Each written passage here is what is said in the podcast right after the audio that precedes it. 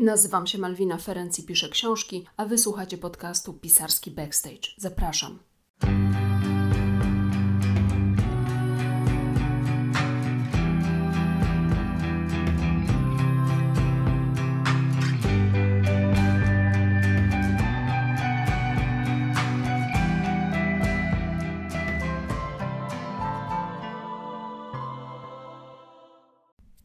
Dzień dobry, witajcie. Nazywam się Malwina Ferenc, mówię o sobie, że jestem rzemieślnikiem słowa, bardzo lubię to określenie, a mówię tak o sobie, bo piszę książki i generalnie 10 na koncie, 11 powstaje, już naprawdę jestem prawie na mecie. Ja wiem, że jest duża obsuwa, ja wiem, ale jestem prawie na mecie. Przysięgam, słowo harcerza. Nigdy nie byłam harcerką, no ale dobra, słowo harcerza. W tym podcaście y, mówię o szeroko pojętym zapleczu pisania książek. Zerkam od strony zarówno pisarza, jak i czytelnika. Mówię o tym, jak od kuchni wygląda bycie twórczynią oraz o tym, co w ogóle na rynku wydawniczym piszczę, a mówię to co odcinek, bo mm, jest taka sytuacja, że być może są osoby, które zaczynają słuchać tej audycji od teraz, więc dobrze by było, żeby wiedziały, czego można się po mnie spodziewać. No i w ramach takiej wisienki na torcie dzielę się odczuciami po ostatnio przeczytanych książkach i to są odczucia zarówno pozytywne, jak i negatywne, ze względu na to, że ja również jestem odbiorczynią dóbr kultury czy popkultury i jak najbardziej e, mam prawo na te dobra reagować w taki sposób, jak reaguje e, każdy zwykły czytelnik.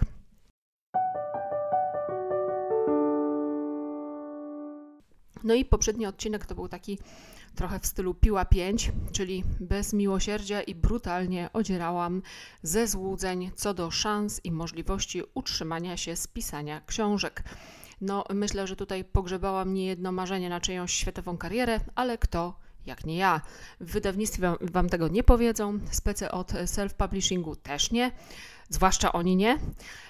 Sam odcinek był takim jakby postscriptum do dwóch poprzednich, w których również poruszałam ten temat.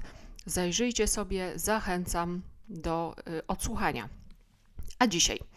Y, no, dzisiaj nie będzie tortu, bo mówiłam, że w ramach wisienki na torcie dzielę się odczuciami, więc tortu dzisiaj nie będzie, a będzie sama wisienka, ale również smaczna. Od pewnego czasu nagrywam odcinki poświęcone danej książce i niczemu więcej, bo są takie publikacje, którym należy się więcej niż tylko parę minut podsumowania przed głównym tematem podcastu. No i właśnie taką książką jest Najdłuższa podróż Oksany Zabuszko.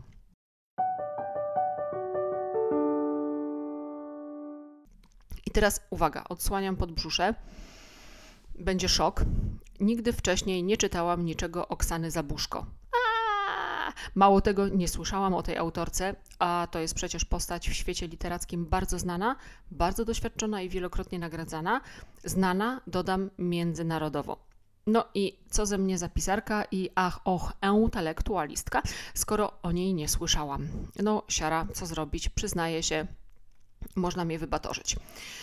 Jest to dowód na to, że na co dzień bytujemy w swoich takich bańkach informacyjnych, bańkach zainteresowań i z baniek tych nosa zasadniczo nie wyściubiamy. Więc ja cieszę się, że wyściubiłam, bo też i wielce na tym skorzystałam.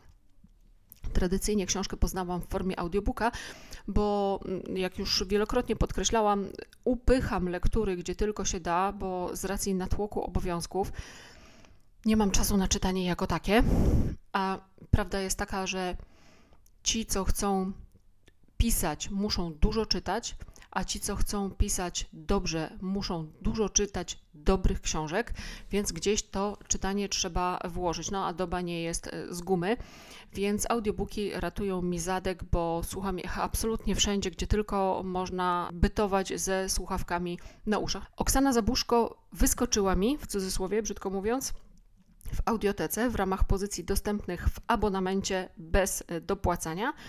Pobrałam więc i przesłuchałam. Audiobook czyta Anna Maria Buczek i zaprawdę powiadam Wam, świetnie to robi. Jest to jedna z najlepszych lektorek, jakich miałam okazję słuchać. Odpowiednio rozkłada akcenty, angażuje się w treść, ale nie przesadnie i nie przytłacza swoim zaangażowaniem treści. Nie wiem, czy dobrze mnie zrozumiecie, ale dużą zaletą jest taka przezroczystość jej lektorowania. Lektor może zrobić zarówno dużo dobrego, jak i dużo złego dla książki, potrafi stworzyć niemal teatr, jak Filip Kosior z książkami Marcina Mortki, gorąco polecam zresztą. Potrafi wciągnąć w atmosferę, jak Krzysztof Gosztyła z książką Cormaca McCarthy'ego Droga, gorąco polecam. A potrafi tak sponiewierać, że człowieka zwyczajnie od książki odrzuca i tutaj nazwiska przemilczę. Jest całkiem prawdopodobne, że sięgnęłabym po jakiś audiobook tylko dlatego, że czyta go właśnie pani Anna Maria Buczek. Oklaski. No dobrze, dobrze. Ty tutaj Ferenc gadu gadu, ale kim do diabła jest Oksana Zabuszko? No to nim przejdziemy do książki jako takiej, to parę słów o autorce i tutaj muszę Wam powiedzieć, że zbytnio się nie wysiliłam, skorzystałam z Wikipedii, ale to, jak zobaczycie, w zupełności wystarczy. Otóż Oksana Zabuszko jest pisarką ukraińską, jest również poetką i eseistką. Ma tytuł doktora filozofii, uzyskała go na Uniwersytecie Kijowskim i w ogóle na co dzień mieszka w Kijowie. Wykładała filologię ukraińską na uniwersytetach w Stanach Zjednoczonych i w swojej twórczości skupia się na zagadnieniach dotyczących ukraińskiej samoidentyfikacji, i to jest bardzo mocny element rzeczywiście tej e, pozycji, którą ja przeczytałam. E, skupia się na problemach postkolonializmu oraz na feminizmie i płynnie mówi po polsku no tutaj taka ciekawostka. Największą sławę przyniosła jej książka Badania terenowe nad ukraińskim seksem, wydana w 1996 roku, 1996 i e, ta książka została przetłumaczona na język węgierski, czeski, niemiecki, francuski oraz na polski. Sama książka opisuje spustoszenia w ludzkiej psychice jako następstwa komunizmu i totalitaryzmu. Uznano ją też za pierwszy manifest ukraińskiego feminizmu. E, tyle właśnie Wikipedia. Ja nie ukrywam, że sam tytuł książki Badania terenowe nad ukraińskim seksem niezwykle mnie zachęcił. I to jest kolejna pozycja Oksany Zabuszko, którą mam na liście lektur obowiązkowych. I tak się składa, że 23 lutego 2022 roku, w przeddzień rosyjskiej inwazji, ukazała się jej książka Planeta Piołun. E, Oksana, Zabuszko w najdłuższej podróży odnosi się właśnie do tej premiery. E, Planeta Piołun to był zbiór esejów wybranych dla polskiego czytelnika i napisanych po zajęciu w 2014 roku Krymu przez Rosjan. I co się zadziało? 22 lutego 2022 roku e, Zabuszko wsiadła w samolot z Kijowa do Warszawy, nie wiedząc, że to jest właściwie ostatni nieodwołany lot. Przyjechała spakowana na 2 czy 3 dni, e, nawet bez swojego laptopa. No i musiała tu zostać, bo 24 lutego Rosja dokonała agresji na jej kraj i rozpoczęła się wojna. Zabuszko została niemal bez niczego. Musiała się nagle odnaleźć w zupełnie nowej rzeczywistości. Co więcej, jako intelektualistka i to zaangażowana w sprawy swojego kraju, była na celowniku działań rosyjskich.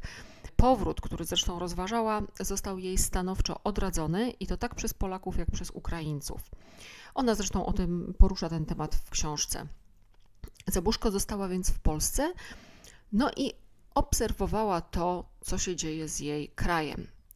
I żeby poradzić sobie y, z takimi szarpiącymi ją emocjami, z traumą, z tym wszystkim, co się działo, za radą jednej z osób postanowiła rozprawić się z wojną bronią, jaką, jaką włada biegle, czyli za pomocą pióra.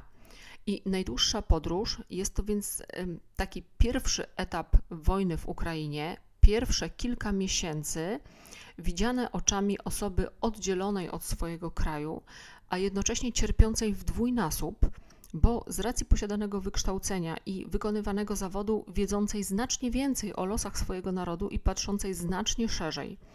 I to szerokie spojrzenie jest szczególnie cenne dla polskiego czytelnika, i to szczególnie cenne właśnie teraz, po półtorej roku wojny, kiedy ona już się nam opatrzyła, kiedy zeszła z nagłówków i z pierwszych stron gazet i kiedy paski w telewizorni już nie krzyczą na czerwono i kiedy już agencje prasowe nie dzielą się z nami tym, co powiedział prezydent Zełęński w swoich codziennych odezwach do narodu.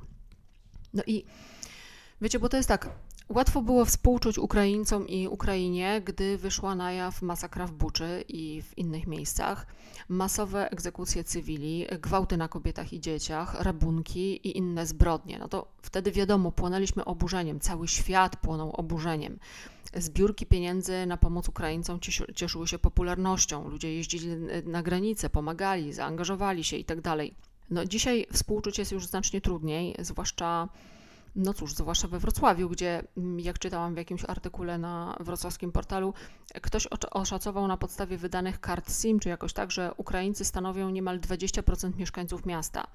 I Wrocław, który oficjalnie ma 650 tysięcy mieszkańców, ale uwaga, uwaga, te 650 tysięcy to są osoby zameldowane we Wrocławiu, a przecież w dużych miastach żyje sporo osób, na co dzień żyje i latami żyje i są to osoby, które nie mają tutaj meldunku. Tak więc no, oficjalnie Wrocław ma 650 tysięcy mieszkańców, ale realnie, biorąc pod uwagę obywateli Ukrainy plus studentów, którzy tutaj mieszkają, no jest to blisko 900 tysięcy. Po półtora roku wojny no, jesteśmy już tą wojną zmęczeni. Zbiórki nie cieszą się już taką popularnością. Już się napomagaliśmy, napoświęcaliśmy i już czujemy, że nie powinno się od nas wymagać tego, co na samym początku. Język ukraiński zaczął nam przeszkadzać. Przeszkadza nam obecność obcych pracowników, uczniów, przeszkadza nam obcy akcent w komunikacji miejskiej, w sklepie. Zaczęło nas to irytować. Wiecie, z jednej strony jest to zupełnie normalny etap i w każdym społeczeństwie tak jest, bo to jest etap taki, można powiedzieć, biologicznie zakodowany. Jeżeli coś jest permanentnym stresem, bo dla nas to też jest stres, oczywiście znacznie mniejszy niż dla Ukraińców, ale mimo wszystko, to zaczynamy się na ten stres uodparniać i to jest naturalna, biologiczna reakcja umożliwiająca nam przetrwanie. Z drugiej strony jest to coś, z czym absolutnie nie wolno nam się pogodzić i do czego nie wolno nam się przyzwyczajać. I w żadnym wypadku nie wolno nam przyzwyczajać się do wojny. Wojna nie może nam spowszednieć i nie może nam się opatrzyć. I w tym właśnie Zabuszko bardzo nam pomaga. I książka była dla mnie bardzo cenna, również z tego względu, że autorka sprawnie i e, merytorycznie rozprawia się z rozmaitymi mitami. Na przykład z mitem podziału na Ukrainę wschodnią prorosyjską i zachodnią proeuropejską. Na pewno słyszeliście o tym nieraz.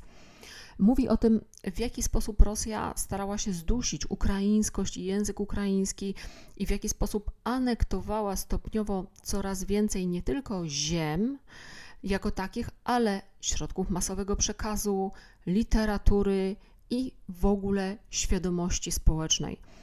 Z książki dowiecie się, dlaczego Ukraińcy, których na co dzień spotykacie, mówią głównie po rosyjsku. Notabene, konia z rzędem temu, kto rozróżnia oba języki. Ukraińcy i Rosjanie, a dodatkowo jeszcze Białorusini, zlewają nam się w jedną całość i za cholerę nie rozróżniamy ich języków nie zwracamy na nich uwagi. Z naszej wielkopańskiej pozycji narodu wolnego, europejskiego, cywilizowanego i tym podobne. No, patrzymy na nich jak na zacofanych, nienauczonych Europy, wschodnich Słowian i tak naprawdę nie zaprzątamy sobie naszych wspaniałych umysłów rozdzielaniem ich na poszczególne nacje. Wschodnie jest wschodnie, na co drążyć. Och, jak łatwo patrzeć z pozycji wyższości. No więc Książka Zabuszko nie jest długa. W przypadku audiobooka to jest trochę ponad 3 godziny słuchania. No dobra, prawie 4. Dlatego uważam, że to jest dla Polaków, konkretnie Polaków, lektura obowiązkowa. Bo, moi drodzy rodacy, prawda jest taka, że guzik wiemy o Ukraińcach i historii ich państwa. A wiecie dlaczego? Bo tak naprawdę guzik nas oni obchodzą uważamy się za lepszych. Zabuszko nie daje nam po garach, ale przybliża nam swoją nację. I to jest dobry moment, żeby zrozumieć, że wcale nie jesteśmy lepsi. Nie jesteśmy też gorsi. Jesteśmy tacy sami, równi im. Oczywiście jest sporo przesady w y, twierdzeniu autorki, że w pewnym momencie wyłącznie Ukraina miała odwagę postawić się Rosji i wyłącznie Ukraina Rosji się nie bała. No, nie bała się też Litwa, gdy na jej ulicach ginęli pod czołgami ludzie na początku lat 90., to starsi Polacy pamiętają y, gdy Litwa wtedy zadeklarowała niepodległość. Nie bała się Łotwa i Estonia. Polska też się nie bała. Zabuszko upraszcza więc tutaj mocno, ale można to zrozumieć i wybaczyć jej, pamiętając, że napisała tę książkę praktycznie na świeżo, w emocjach. Te pierwsze kilka e, miesięcy wojny, kiedy tak naprawdę nie wiadomo było, co się wydarzy, kiedy jeszcze te kolumny rosyjskich ciężarówek ciągnęły na Kijów i Kijów był ostrzeliwany, kiedy spadały rakiety w Lwowie, naprawdę nie wiadomo było, co będzie, a już wiedzieliśmy o Buczy i już wiedzieliśmy o innych rosyjskich zbrodniach. Zapuszko nie poświęca też uwagi czy też robi to w sposób minimalny, kwestiom spornym dotyczącym naszych krajów. E, żebyśmy tutaj dobrze się zrozumieli, tu nie ma lukru, nie ma wygładzania historii. Zabuszko nie ukrywa tych spornych kwestii i nie unika, ale nie są one tematem jej książki. No i czy to dobrze, czy źle? No moim zdaniem dobrze, bo zadry związane z rzezią wołyńską domagają się przepracowania, to oczywiste ale celem książki nie było rozliczenie traum, a przybliżenie Polakom ukraińskiej kultury, historii i długoletniej walki o niepodległość. Tak, byśmy przestali uważać Ukrainę za część Rosji, za zbuntowany fragment większego imperium, takich jakby Rosjan zachodnich, Rosjan light, i by zakorzeniło się w nas przekonanie, że to jest zupełnie inny naród z osobną historią, osobną kulturą, który nie należy do Rosji i ma pełne prawo do samodzielnego, niezależnego istnienia. Naród, tak jak już powiedziałam, nie gorszy i nie lepszy od naszego, równy nam po prostu i już. No i poza tą kwestią e, ukraińską, bardzo przemówiło do mnie to, co Zabuszko mówi o pisaniu, o tworzeniu jako takim, o zajęciu pisarza. I przemówiło, bo ja patrzę na to identycznie i to, że to nie jest mój wymysł, a jakieś powszechniejsze doświadczenie, znane również innym, lepszym i bardziej znanym pisarzom ode mnie, no jest to bardzo budujące. Zacytuję Wam, to jest krótki fragment. Sprawa jest prosta. Jak operator postrzega świat kadrami, rzeźbiarz kształtami, a muzyk dźwiękami, tak pisarz widzi go historiami, potencjalnymi fabułami różnego gatunku i kalibru, kipiącymi w każdym dniu jak bakterie w kropli wody pod mikroskopem. Niektóre z tych historii są gotowe, nic tylko zapisać. Inne, większość, dla postronnego oka pozostają ukryte. Trzeba je wyłowić z jednolitego strumienia życia i dobudować we własnym zakresie. I trzeba mieć dobry nos, po psiemu wyczulony na fałsz, żeby rozpoznać, która historia rzeczywiście jest z życia, a którą już ktoś przed tobą wybudował i udaje, że sztuczny twór to dzieło natury. Przyjmuje się, że pisarz ma takiego nosa, bo jeśli nie, to się do zawodu nie nadaje. Jak pies policyjny, który nawąchał się machorki. Troszeczkę skróciłam ten cytat, wycięłam jeden fragment, ale rozumiecie o co chodzi. To jest to, co kiedyś mm, spotkałam też u Stephena Kinga w jednym jego zbiorze opowiadań, kiedy pisał, że historie leżą na ulicy. Trzeba się tylko po nie schylić. One są wszędzie, otaczają nas i tkwią w pozornie zupełnie błahych zdarzeniach, takich, na które ktoś postronny, kto nie jest tak wyczulony jak pisarz, nie zwróciłby w ogóle uwagi. Oksanie Zabuszko o trochę inne rzeczy chodziło w tym e, cytacie. E, chodziło bardziej i akcentowała bardziej wyczulenie pisarza na fałsz, na kreowanie sztucznej e, rzeczywistości, co, czego podejmuje się Imperium Rosyjskie, żeby anektować świadomość Ukraińców. Ale generalnie zasada jest ta sama. No i dobrze, mam nadzieję, że Was zachęciłam. E, dodam jeszcze, że styl pisania Zabuszko, no przynajmniej wnosząc po tłumaczeniu, przypominał mi bardzo styl Olgi Tokarczuk i to jest duży, duży plus dla, dla jej prozy. Mnie fascynuje styl Tokarczuk, jej fraza, sposób prowadzenia przemyśleń czy narracji, konstrukcje stylistyczne, porównania czy metafory, no po, po takie sięga. Zapoznając się z Zabuszko, miałam wrażenie, jakbym czytała Tokarczuk i naprawdę warto tego doświadczyć. No, nie bez powodu też e, Oksana Zabuszko była dwukrotnie e, gościnią festiwalu Góry Literatury, który organizuje Olga Tokarczuk. Myślę, że to naprawdę nie jest przypadek.